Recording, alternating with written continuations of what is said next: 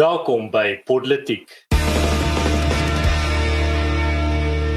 Ek is Paul Marit en saam met my na twee vandag is Daniel Elof Herman Pretorius en Erns van Sail. Herman ook lekker om jou terug te hierdie jaar, so baie lekker uitgerus. In vandag se episode, skole gesluit, ligte steeds uit en Pfizer se spyt.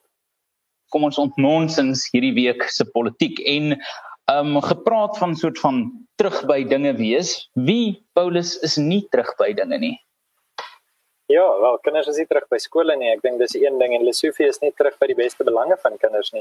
En dis eintlik so 'n bietjie waaroor ek wil praat, so laat ek 'n vinnige inleiding gee. Nadat eh uh, die Helpenkaar College kommunikasie aan hulle kinders uitgestuur het en gesê het dat die kinders moet terug wees 'n bepaalde datum, ehm um, dit sou natuurlik die 18de gewees het wat afgelope maandag is, is daar aan hulle gekommunikeer dat Lesofie self die skool gaan besoek. Ehm um, meneer Lesofie sou dan gevra het waarom hulle oopmaak eh uh, amper 'n maand voor die 15de Februarie wie die staatskole moet oopmaak en dit sou dan nou gebeur. Nou ek het 'n paar vrae hier. Ten eerste, as jy die beste belange van die kinders in ag neem, hoekom het jy nie 'n afspraak gemaak met die skoolhoof en die beheerliggaam nie? Ten tweede, as dit vir jou gaan oor die kinders se gesondheid, weer eens nie 'n afspraak gemaak met die hoof of met die beheerliggaam nie. Hoekom is dit nodig om 'n media skouspel hiervan te gemaak het en kinders bloot te gestel het? Ek is besig en jy weet my op sosiale media volg sal sien ek is besig met People's War van Anthea Jeffries. Die tweede keer wat ek die boek lees, um en uh People's War natuurlik geskryf deur een van Herman se kollegas. Nou hierdie boek sê bepaal dat die ANC in hulle vryheidsstryd nie geskroom het om kinders te gebruik nie. Ons weet ook dat hulle in verskeie optogte kinders laat voorloop het en dis meer. Ek wil nie nou daarop ingaan nie, maar die punt is dat meneer Lesofie besig is om skole en kinders te gebruik vir media geleenthede en dis vir my kommerwekkend en dit pla my. Ons kan verder praat oor of hy enigstens die reg behoort te hê om vir privaat skole te sê wanneer hulle moet oopmaak. As privaat besighede aan sekere vereistes moet voldoen en dan kan oopmaak, waarom kan skole nie dieselfde doen nie? Dit is immers besighede, ja nie met winsoogmerk nie, maar dis nog steeds besighede. En daar is miskien 'n ander vraag wat ek dink die die sterker vrye markdenkers Daniel, miskien as jy oor oor kan uitbrei vir my is die groot drukkende kwessie hierso wat op besaarde soek hy by die skool as hy 'n probleem gehad het moet hy die hoof by die huis gaan sien het moet hy een of ander afspraak gemaak het. Dit is my duidelik hy wou sy eie profiel gelig het. Hy wou voorberei om homself eendag minister van onderwys of president of iets te maak en dit is dis verskriklik en ek hou nie daarvan. Ja, Paul, ek ek sê met jou saam. Ek bedoel dis 'n hele gesprek om te hê oor kan kan meneer Lesofie ehm um, net daar opdag in 'n skool toemaak, maar uh dit is dis 'n ander gesprek en ek dink eintlik 'n meer interessante gesprek oor hoekom hy dit doen en wat wat gee vir hom die indruk dat hy net so kan is privaat skole gaan gaan sluit soos wat hy wat hy lus het. Maar die punt is dis maar die dieselfde waansin as wat meneer Lesofie nog altyd gehad het. Hy hy dink nog altyd hy kan allerlei goed doen wat hy nie kan doen nie. Ehm um, ek dink hy besef lekker wat se verskil tussen 'n LER en 'n hoof van 'n departement altyd nie. Ehm um, van wat ek hoor en met my interaksies saam met die departement weet ek dat uh meneer Lesofie eintlik maar meneer Mosue wat sy hoof van die departement is absoluut oorskadu en al sy pligte oorneem. Uh maar ek dink dit behoort ons te verbaas nie. Dit is maar in kommunistes uh, gewoonte om te probeer soveel mag as moontlik sentreer by hulself en en hierdie is nou maar net nog 'n geval en 'n uitvloeisel van van daai ideologie.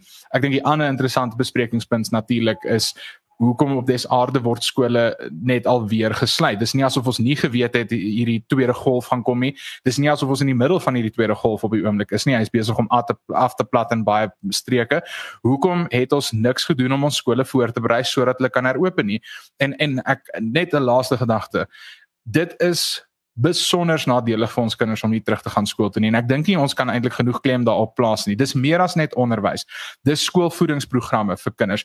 Dis sosiale uh uh volwassenheid van kinders wat moet leer om, om met ander mense rondom hulle te te werk en te leef. Daar's op soveel vlakke wat hierdie nadelig is en daar's 'n baie interessante uh um verslag deur UNESCO van wat verlede week uitgekom het wat gesê het om skole te sny moet absoluut die heel heel heel laaste plan van aksie wees met COVID beveg. Dit is letterlik wanneer dan geen ander opsies is nie moet jy oorweeg om skole te sny, maar in Suid-Afrika hou ons daarvan om alles te sny van skole tot restaurante tot strande.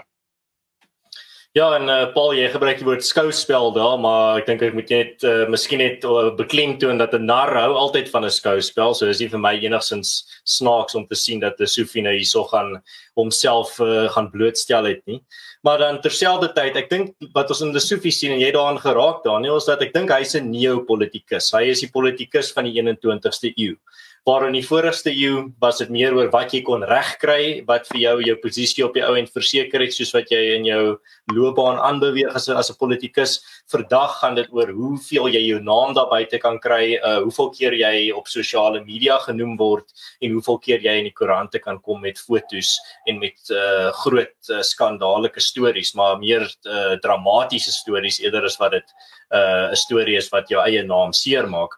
En dit is die ding, as ek dink wat ons hier sien met Lesofie is nie nuut nie. Ons sien dit nou al vir so lank as hy's 'n skouspelagtige politikus. Hy gaan om sy foto te geneem plat kry. Hy wil trend op Twitter. Hy wil die sy naam op die voorblad hê. Dit is hoe hy opbeweeg in die ANC. En dit lyk my dis ongelooflik suksesvol sy strategie. So ons moenie dink dat hy gaan enige tyd vinnig ophou daarmee nie. Ehm um, op die punt van uh die die skole wat gesluit of uh, oopgemaak moet word. Uh ek dink ons moet in gedagte hou dat die die skoolstelsel is maar 'n worsmasjien. Dis nie asof ons net dit kan uh 'n pouse laat op 'n pouse laat gaan en dan nie uh eers enigstens dink aan die feit dat volgende jaar moet daar weer nuwe kinders in die in die volgende graad ingaan. Volgende jaar moet daar weer 'n nuwe groep kinders oorskakel na hoërskool toe volgende jaar moet daar weer 'n nuwe groep kinders oorskakel universiteit toe. Die masjien stop nie. Dit is hoe die stelsel gebou is en ons moet dit in ag neem as ons praat van skole wat nou al klaar om uh, in Februarie eers, ek dink die 15de Februarie eers oop te maak, is al klaar ongelooflik laat vir skole. En as hulle nou nog praat van om die skooljaar so erg te ontwrig soos wat hulle nou klaar doen, is jy besig om soveel skade te doen wat nooit herstel gaan kan word in terme van die opvoeding van jong mense nie. Op daai ouderdom is jou is jy nog steeds so sensitief vir die stimulus van wat rondom jou gebeur en die soort opvoeding wat jy kry dat hierdie soort uh, gespeel met kinders se toekoms 'n definitiewe impak gaan hê op hulle toekoms in terme van as jy as met al hierdie uh, staatsinmenging by uh, die skole in terme van hulle hulle opvoeding. So ek is absoluut vir dat skole moet oopgemaak word, maar nog steeds moet daar 'n uh, net 'n uh, gesonde verstandmaatreëls wees. Ek dink dit is dit is nie te veel om te gevra nie. En dan terselfdertyd moet die skole oopgemaak word. Ek dink dit is dit is van kardinale belang vir die toekoms van hierdie kinders. Nou ja, miskien net om die om die gedagte van die storie saam te vat. Ehm um, Herman, ek weet nie of jy daarop uitbrei nie, maar yes. net so by jou jou Eskom storie inwerk. Dink skole en Eskom is eintlik redelik van mekaar afhanklik. Eskom het meer behoefte aan goeie skole dink ek, maar um, 'n goeie opleiding. Maar goed, in elk geval in breë trekke dink ek daar's daar's twee kwessies hier. So die een is um, is dit regtig die plek van meneer Lesofie? Is dit nie eerder iemand in sy afdeling nie? En het hy regtig is hy veronderstel om soveel mag oor privaat skole te hê? Is die hele punt dan nie juist dat hulle wil wegkom onder die vaandel van sy patetiese administrasie? van administrasie en eerlikwaar swak bestuur nie die verlede skole wat in die afgelope 2 jaar toegemaak het is skokkend en kommerwekkend die banale hofsaake wat sy departement voer om privaat skole toe te maak wat heel funksioneel is op die fynste fynste puntenerighede is vir my skokkend en kommerwekkend. Die grootste probleem egter is meneer Lesofie se voortdurende neiging om kinders te gebruik as pionne in sy politieke spel. En as ek ouers was sou ek duidelik duidelik duidelik vorentoe vorentoe gekom het en gesê dit stop hierso hou op om my kinders te gebruik as 'n pion in jou spel wees ten minste man genoeg om die probleem aan te spreek met groot mense te praat op om kinders die kamera te druk en so ek ons mekaar raak so goed dankie ek gaan stop nee, nee. Erwan dalk het voordat jy wegspreek net die laaste ding sê en en ek dink dit speel presies met hierdie skole ding weer uit en is iets wat ons al voorheen baie oor gepraat het. Die hierdie binêre denke, dit dit gebeur weer presies hier met skole. Dis of skole is oop en dan is dit 'n absolute ramp vir vir COVID, of skole is toe en dis al twee opsies wat daar is. Nou ek ek, ek mense hoef regtig nie besonder lank te dink om net die idee met vorendag te kom dat dalk kan moet ons skole sluit waar daar hotspots is. Dalk moet ons skole sluit waar daar ernstige golwe is van COVID-19 en dalk hoef alle skole in die land nie gesluit te wees nie. Hoekom moet 'n hoërskool in die aar in die middel van die Noord-Kaap gesluit wees. Dit maak eenvoudig nie sin nie. Maar dis die probleem met ons politiek is dit is een of die ander en daar's glad nie ruimte tussenin vir enige diskurs of enige oorweging van alternatiewes nie. Ek moet sê Daniel, ek wil amper daarby jou aansluit en vir mense vir soort van vir mense wat loer en soort van kyk as ek soort van Peter met my skerm ek vra verskoning ek neem hier van my selfoon af so uh, ek het dalk nie die betroubaarste tegnologie voor my nie maar ek Daniel daai punt wat jy maak dink ek is is is presies die korrekte een. Ehm um, en ek dink ons moet versigtig wees om nie te sê dat ons wil hê dat die regering moet nie sentrale beheer oor goederes uitoefen nie, maar dat sentrale beheer elders uitgeoefen moet word. En ek dink as mens teruggaan na die konsep van vryheid, dan sien mens een van die gevaarlikste stukke wetgewing myns insiens in Suid-Afrika is die kinderwet. Want die kinderwet stel die Hooggeregshof, die staat as die oppervoog van enige minderjarige in Suid-Afrika. En die probleem daar is dat ek ek verstaan nie hoe hierdie siekte werk nie. Um en ek dink meeste Suid-Afrikaners doen nie. Maar ek dink daarso is 'n vlak waarop vryheid regtig hierdie oplossing is. As jy 'n ouer is wat vrees vir hierdie siekte, dan is jou kind jou verantwoordelikheid. So ek dink ons moet eerder as om te sê watter skole moet open toe, dink ek regtig die die gesprek moet skuif na die ouers behoort die, die nodige vryheid te hê. Al is hulle in staatskole of privaat skole om te sê, weet jy, my kind is my verantwoordelikheid. Ek wil hê hierdie kind moet by die huis bly of ek wil hê hierdie kind moet nie by die huis bly nie. Ek weet dit klink dalk ongelooflik wreed, maar ek dink nie dit is iets te veel gevra om te begin op 'n plek en te sê dat ouers moet verantwoordelikheid neem oor hulle kinders. En die staat het dit al begin wegvat. So dan het jy hierdie situasie waar dis hierdie tussenplek, maar ek glo regtig dat as daar een waarheid is wat deur die geskiedenis bevestig is met natuurlik sy uitsonderings, maar dis onvermybaar is dit dat ouers die besluite oor hul kinders se opvoedings moet neem. Nie meneer Lesofie nie. Uh nie een of ander skool of nie. Hierdie is ek dink 'n baie tipiese geval waar 'n ouer kan sê, weet jy of my kind in 'n privaat skool of 'n staatskool is, hulle is my verantwoordelikheid. Ek is bang vir hierdie ding of ek is nie bang vir hierdie ding nie en ek maak hierdie besluit. Hmm. So nou, en en ja, sorry, Daniel, yes. Nee nee ek ek wil eintlik maar net eh, Herman ek ek dink dit dit sluit eintlik by soveel ander goed in Suid-Afrika aan en sluit by ons volgende onderwerp ook aan. Is spesifiek dieselfde beginsel. Daar's nie ruimte vir jou eie besluitneming nie. Dit is dieselfde met kragopwekking byvoorbeeld ons ons word letterlik verhoed in baie opsigte deur eh, baie keer 'n absolute verbod en baie keer net deur hoë administrasie uh om ons eie goed te doen en dieselfde geval gebeur met Eskom. Dis baie moeilik om jou eie krag op te wek. Dit is baie moeilik byvoorbeeld vir 'n 'n 'n 'n land toe om te besluit hulle gaan afsonderlik vir hulself 'n krag voorsien. En nou sit ons met die gevolg dat hoe hoe lank is dit nou al? 12 jaar? Van 2017 hmm. af wat ons wat ons ligte nie meer behoorlik werk nie wat Eskom 'n probleem is en dis nou 2021 14 jaar en ons sit nog steeds met dieselfde probleme. En ek kan vir julle sê ek persoonlik is nie gewoond aan die krag wat afgaan nie. Ek het nou vir 2 jaar in 'n woonbuurt gebly en in 'n huis waar daar nooit kragonderbrekings was nie. En nou ewe skielik dat ek hier in die in die wonderlike vuil uh, van Rebel en vereniging sit nou ervaar ek dit weer vir die eerste keer dat die krag gaan elke liewe freaking dag af Maar weet jy Daniel, ek dink die die ding is en dit is hoekom ons mense wat ten gunste van vryheid is baie keer ongemaklike posisies moet inneem. Ehm um, is die vryheid jou vryheid om te kies is ook jou vryheid om foute te maak en iemand anders se vryheid om te kies is ook iemand anders se vryheid om foute te maak en om keuses uit te oefen wat jy nie sou uitoefen nie. Maar ons sit in 'n situasie waar ek dink nou al vir 100 jaar ehm um, Suid-Afrikaners net keer na keer na keer uh, uh hulle hulle keuses uitkontrakteer na die regering. En dit is by die dit is regtig die hartjie van die veldtog wat ons by die ERR nou hierdie afgelope week geloods het. Power to the people. Ehm um, want dit gaan regtig oor vryheid. As jy afhanklik wil wees van Eskom of jy het nie daai keuse nie, dan is dit ongelooflik beperkend uh vir vir vir die die die vryheid en die en die beheer wat jy oor jou eie lewe kan uitoefen. Ons sit hier in 'n situasie waar ons het 'n monopolie met Eskom. Nou weet julle hoe abortief aaklig moet jy met 'n besigheid wees om in 'n monopolie 'n verlies te ly. Dit is dit ek verstaan dis verbuisterend. Maar die kern van hierdie veldtog is nie om maak Eskom so reg of maak Eskom so reg nie. Dit is net yes, maak Eskom reg. Laat hom sy funksies vervul. Stel mense op meriete aan. Raak ontslaaf van die politiek, maar die hart hier is maak die mark oop. As ons in 'n mark kan wees waar jy Telkom en Vodacom en Cell C en MTN, is daar geen rede hoekom ons nie in 'n mark kan wees met Eskom en en soort van dit kom en dat kom daai is 'n gevaarlike um, um, geding om te gebruik. Maar die punt wat ek hier probeer maak is dat vryheid is ongemaklik en bring baie risiko. Maar hierdie kragonderbreking situasie is so 'n glashelder verduideliking van waar 'n vrye mark regtig iets objektief goed sal doen. En dis waaroor dit hier vir my gaan. As jy kyk na die volgende 3 maande is Eskom in 'n benarde posisie.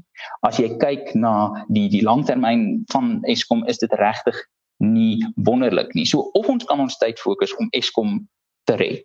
Of ons kan sê weet jy Eskom, red jouself, maar maak die mark oop. En ek dink dis regtig eerlikwaar die oplossing want Suid-Afrikaners doen dit al reeds met die kragopwekker en die diesel. Dis net oneffektief en en daar's ons regtig hier 'n mark wat kan groei as Dexel se Guedimantashe net vir een oomblik buite sy ideologiese uh ruim wil dink.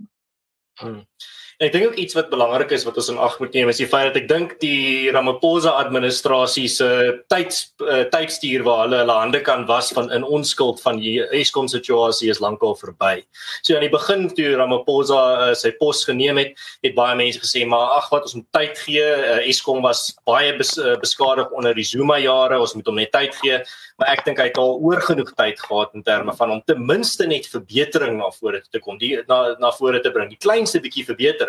Ek sal graag wil sien die hoeveelheid beurtkragure per capita wat onder Ramaphosa gebeur het en onder Zuma gebeur het per dag of per week of wat ook al jy Maar erns mag ek gou vinnig iets byvoeg. In 2014 het president Zuma sy adjunk president Jacob Ramaphosa, ag Jacob Ramaphosa, Vaderland, nie kon net sowel Cyril Ramaphosa aan die stuur gesit van 'n Eskom se hmm. reddingkomitee.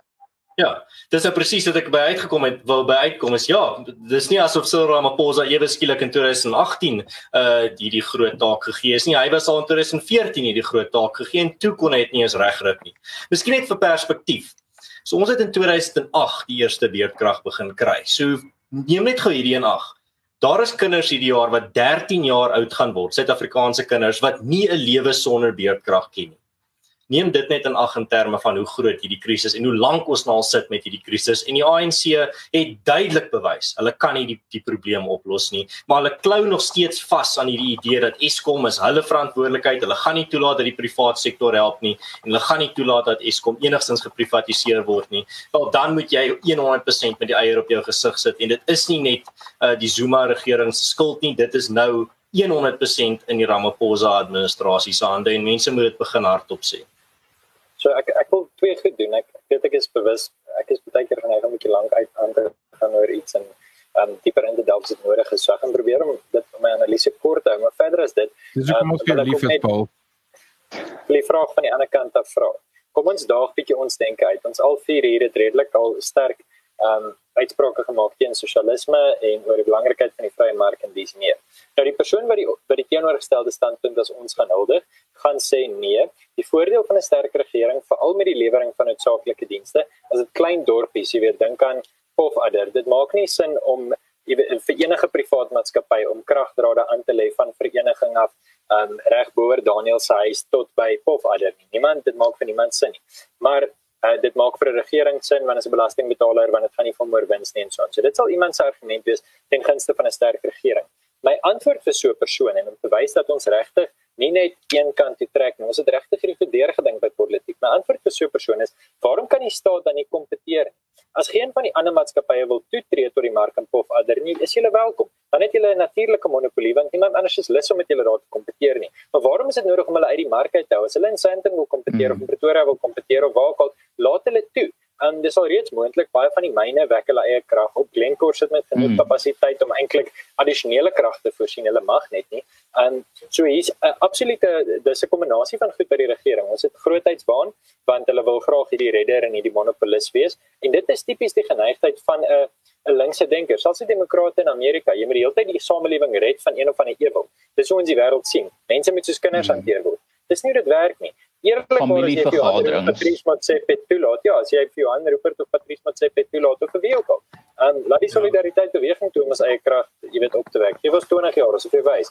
Die, die, die, die punt is uiteindelik gaan Suid-Afrika vorentoe as daai elektrisiteit is. Hoekom is dit nodig om dit te besit? So daar is 'n teenoorgestelde argument teenoor ons en maar ek dink regtig nie dit hou water nie. En in hierdie geval is dit absoluut sinneloos en tot nadeel van alle Suid-Afrikaners, insluitende die regering, want privaat krag gaan tot meer werk, lei gaan tot minder frustrasie en misdaad lei vir die regering se las verlig. Daar's net 'n klomp redes hoekom ons nie die huidige status quo kan handhaaf vir baie ver in die toekoms nie. En ek dink die mark doen al reeds hierdie ding die staat staan net in die pad want ek bedoel hoeveel uh, Daniel jou uh, as ek reg verstaan is jou pa se hele besigheidsmodel om mense soort van te help om van die grid ja. af en so aan te word. Ja. So die mark doen dit reeds, maar hy doen dit teen die obstruksie van die ja. van die staat. Ten spyte, ten spyte van die moeilikheid, ja. Presies. So dis dis dis een produktief. eh, eh, weet julle wat kan weet julle wat die ergste vir my van hierdie hele ding? Kyk, die, sodra mense dit hierdie hierdie weer eens, ek wil nie die, die binêre debat noem nie want dan klink dit asof die hele episode net altyd die die episode van binêre is genoeg gaan word, maar dalk moet mense begin sê as die ANC net doen wat hulle sê hulle gaan doen, sal dit al klaar verbetering veroorsaak. Nee nee nee, nou nie ek ek bedoel nie die die regte goed wat hulle sê hulle gaan doen nie, maar byvoorbeeld hulle het omtrent 2 jaar terug gesê hulle gaan Eskom opbreek in 3 bene, in verspreiding, mm -hmm. in opwekking en in in in in ehm um, die die infrastruktuur om die goed daar uit te kry. Met ander ja. woorde die netwerk.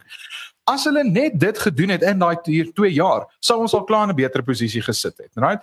So al wat ek kan sê is mm. ja, as mense dit as mense kontrasteer, jy het hierdie twee posisies van absolute monopolie deur die regering teenoor absolute vrye mark, dan is die mense dalk bietjie onwillig om daai sprong te maak. Maar kom ons begin druk ja. uit hoe van om hulle in inkremente uit te kry waar ons hulle wil hê, doen wat hulle gesê het. As hulle gesê het hulle gaan sorg dat hulle gaan hierdie drie goed opbreek, dan doen dit. Maar Andre de Ruyter is nie besig om dit te doen nie. Uh, ons is almal baie bly toe hy gekom het. Nou ek ek moet sê ek dink daar's dele ek hoor daar's dele wat hy goed bestuur. Ek weet hulle verkoop omtrent nou ek dink is 20 miljard of 30 miljard rand se eiendomme gaan hulle nou verkoop. Wonderlik. Die feit dat Eskom 30 miljard rand se eiendomme het in die eerste plek wat hulle net sommer maklik kan verkoop is 'n probleem, maar ten minste doen hulle iets. En en en, en hmm. dis my my groot frustrasie. Die eiendomme waar al die diesel generators staan. Ja, ja, maar ja, son, ja, maar, maar maar die daar's nie dakkies oor die oor die steenkool nie. Met die steenkool. Eerle, ja. Ek ek is mal oor Suid-Afrika. My gunsteling ding van daai nat steenkool is boue dakkie. O, nat steenkool. Ek ek weet mens kry natte en sappe en ANC steenkool nie. Wel, ons sien nie ANC steenkool. Ek sê maar net die afgelope. Kom ons gaan nou nie in watter kleur hulle is nie. maar in geval, my punt is net ja, as die as die regering gedoen het net 'n halwe decent werk, sou dit nie so erg gewees het nie. Ons moet regtig dit moet insink hoe aaklig is hulle met hierdie. Ja. Kan ek een ek ek ek kan julle ongelukkig nie sien so ek weet nie of ek ongeskik is maar ek wil een vinnige brokkie hoop net hierso insteek ehm um, die krake begin wys. Dit is uiters belangrik. In, in, in ek dink dit was Jaap Maree het in die 60s of 70s uh, vir een van sy kollegas in die parlement gesê as jy gaan toelaat dat die Springbokke mag speel teen 'n All Black span met 'n nie blanke speler, dan eendag gaan daar swart man langs jou in die parlement sit. En Jaap Maree was reg. Want as die kragies begin wys in 'n stelsel, dan begin hierdie goeder fragmenteer. En laas jaar het daar twee krakies gekom in die staatsmonopolie op dienslewering. Koster deur die hof toegelaat om van sy eie munisipale dienste oor te neem, die burgerlike uh, samelewing daar. En twee, die sprake dat kommersiële akteurs soos Amazon hulle eie krag mag begin begin opwek. Dit is wat Suid-Afrika nou moet doen. Is daar soos twee krakies druk druk druk hamer hamer hamer, daar kan 'n fraktuur kom as ons hard genoeg probeer. En uh, Paul, miskien ook net om my uh, antwoord te gee op daai vraag wat jy gegee het of wat jy gestel het van die ander kant af. En uh, Daniel eintlik las dit baie mooi aan by wat jy gesê het. Uh soos jy as as jou argument is dat 'n sterk staat wat in beheer is van iets soos uh kragopwekking uh, gaan dit makliker maak om byvoorbeeld krag te kry by 'n plek soos ag ek weet die iewers in die hel. Ehm um, dan moet jy weet dat eerstens dit is tans wat gebeur in Suid-Afrika. In Suid-Afrika is daar 'n regeringsmonopolie. En wat doen daai regeringsmonopolie? Dit misluk op skouspelagtige wyse. Pofadder het nie nou krag nie. so ja. Jy het gekry waarvoor jy gevra het. Jy het jou regeringsmonopolie en dit is besig om absoluut te misluk.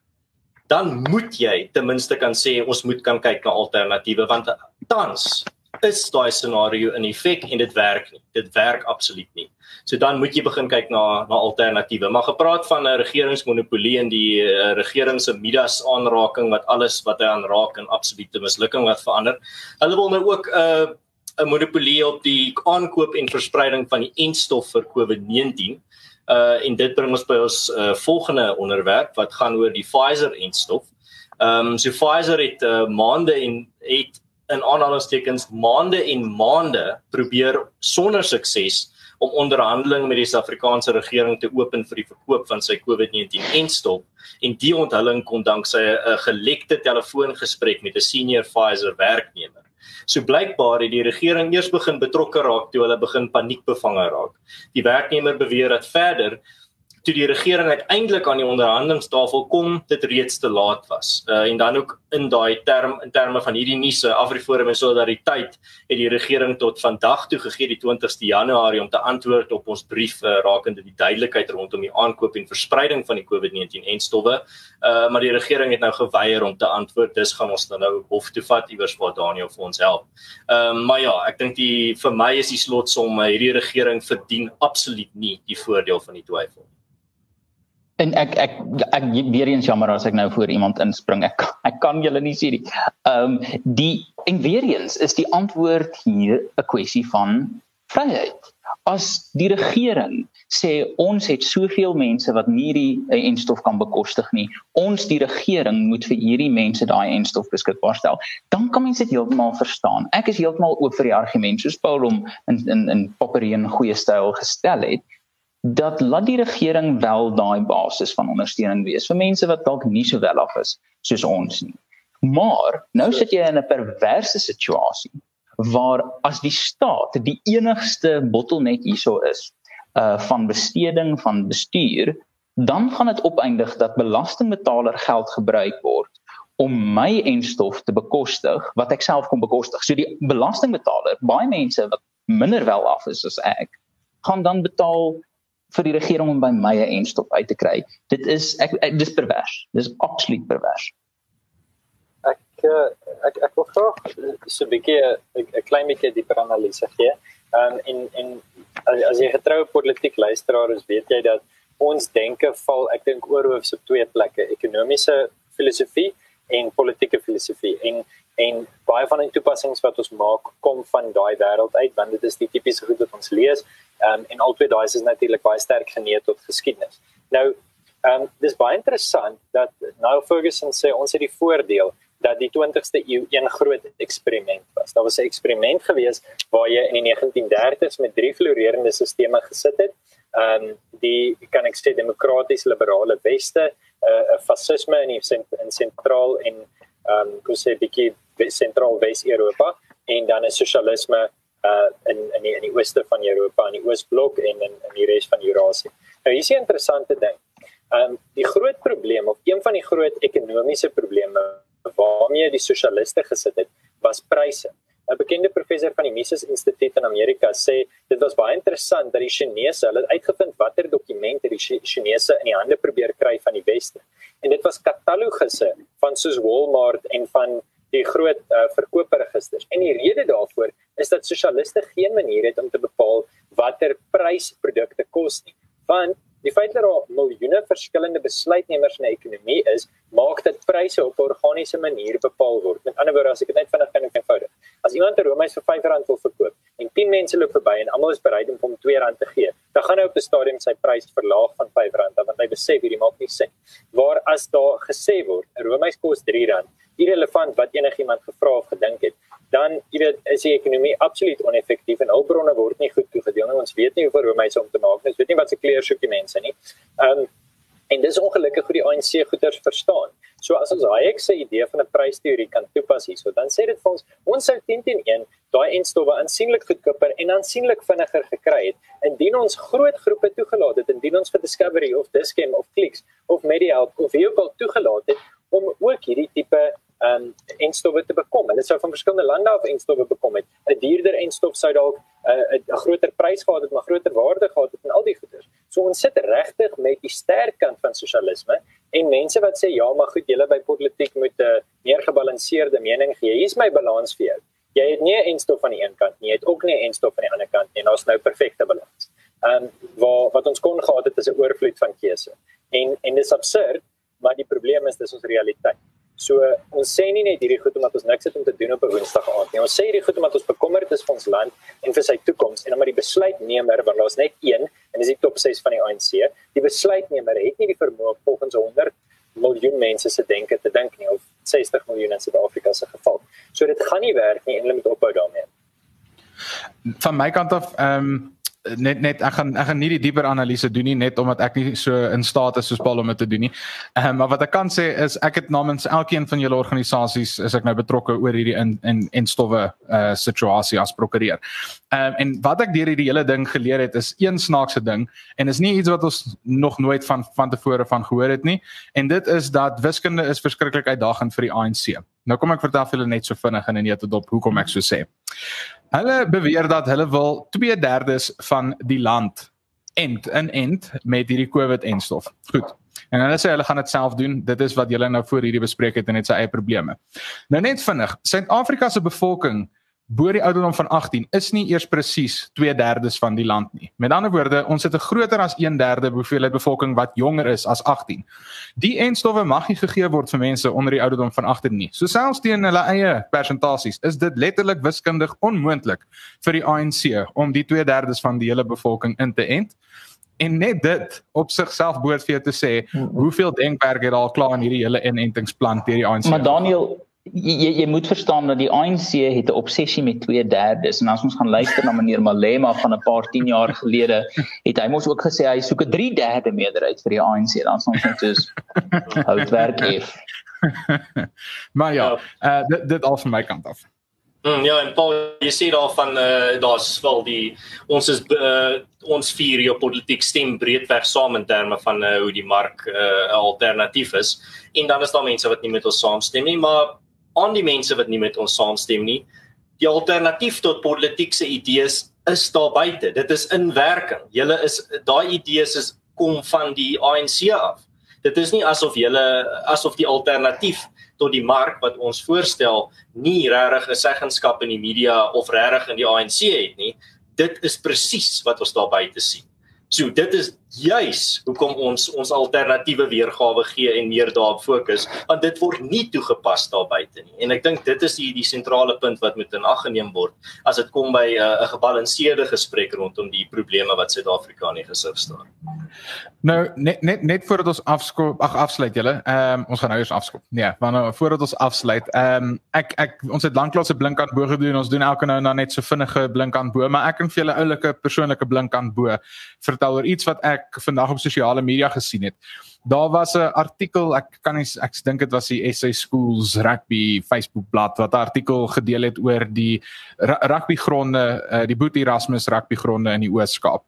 Uh, natuurlik 'n bekende uh, rugbyveld waar daar groot geveg tussen die Springbokke en Kanada in 1995 plaasgevind het. En en natuurlik 'n uh, sportgronde wat mense hoop onderhou word maar die foto's wys hoe dit nou verskriklik die die gras glad nie gesny word en die paviljoene val uitmekaar uit en almal so 'n vreeslike ontstel daaroor. En toe is ons 'n bietjie van 'n gestryery tussen iemand wat ek nie ken nie en iemand wat saam met my op hoërskool was en dis hoekom ek toevallig 'n artikel gesien het. En die hele gesprek het eintlik maar net gegaan oor wel hoekom gaan jy nie net self en gaan sny die gras en maak die paviljoene reg nie? En toe die punt wat op die ouene daai uitgekom het is net soos in weet jy ek sal dit graag doen as ek nie hoef belasting te betaal wat veronderstel was om gebruik te word om hierdie goed onderhou en en dit gebeur nie dan sal ek dit graag gedoen. En toe besef ek in daai oomblik net hoe hoe regtig merkwaardig dit is en anders jy het deur die looppunt in die episode dan geraak dat Suid-Afrikaners begin dit al reeds doen. Ons is al klaar besig om self te doen. Herman, jy het verwys na Koster. Ehm um, dit dis iets wat ek weet byvoorbeeld Afriforum Solidariteit ook baie sterk aanraai is doen dit nou maar self. Doen jou eie buurtwagte, maak jou eie slaggate vol wees betrokke in jou gemeenskappe want dis op die ouende wat dit gaan wat dit gaan regstel en ek dink hierdie was 'n wonderlike 'n uh, 'n uh, storie toe nou oor wat gebeur het want toe iemand daar 'n uh, 'n uh, uh, ander Suid-Afrikaner toe gaan sê wel hierdie is wat Afriforum al vir 'n dekade doen ehm um, dalk kort ons net 'n Afriforum tak naby die Boet Erasmus sportgronde dan sal dit opgelos word. Alraai, dis absoluut 'n mooi uh, blink aan bo Daniel dankie. So um, nou ja. ek uh, wie se wie, wie se beurt is om af te sluit? Ek soos ek sê Dis my beurt om, om om af te sluit. Dis my beurt om af te sluit. Goed, so het 'n baie snaakse grappie vir Adels luisteraars. Het ek 'n snaakse grappie? Goed, ja, ek het. Uh, ek ek gaan hom lees uh, soos wat uh, Joe Biden vanaand agter sy teleprompter sy uh, inhuldigingstoespraak gaan lees. Uh, soos Mike is 'n pressure. Soos uh, Mikey Stadens pose maak is hierdie episode vir nou ook eers aan 'n einde. Ons nooi jou as luisteraar uit om self te ontnonsens. Sit gerus die gesprek voort in die kommentaar afdeling op uh, YouTube en op Facebook en waar ook al jy jou weeklikse potsending kry. Uh jy kan ons gerus kontak indien jy op politiek jou besigheid wil bemark. Uh jy kan ook vir ons natuurlik 'n resensie los met jou klagtes en gedagtes. Geef ons asseblief 'n uh, 'n paar sterretjies op Apple Podcasts indien jy daar podcast luister dit help om politiek te versprei en dit help ons om meer luisteraars te bereik en om ons ontnonsens vermoë uit te brei. Tot volgende keer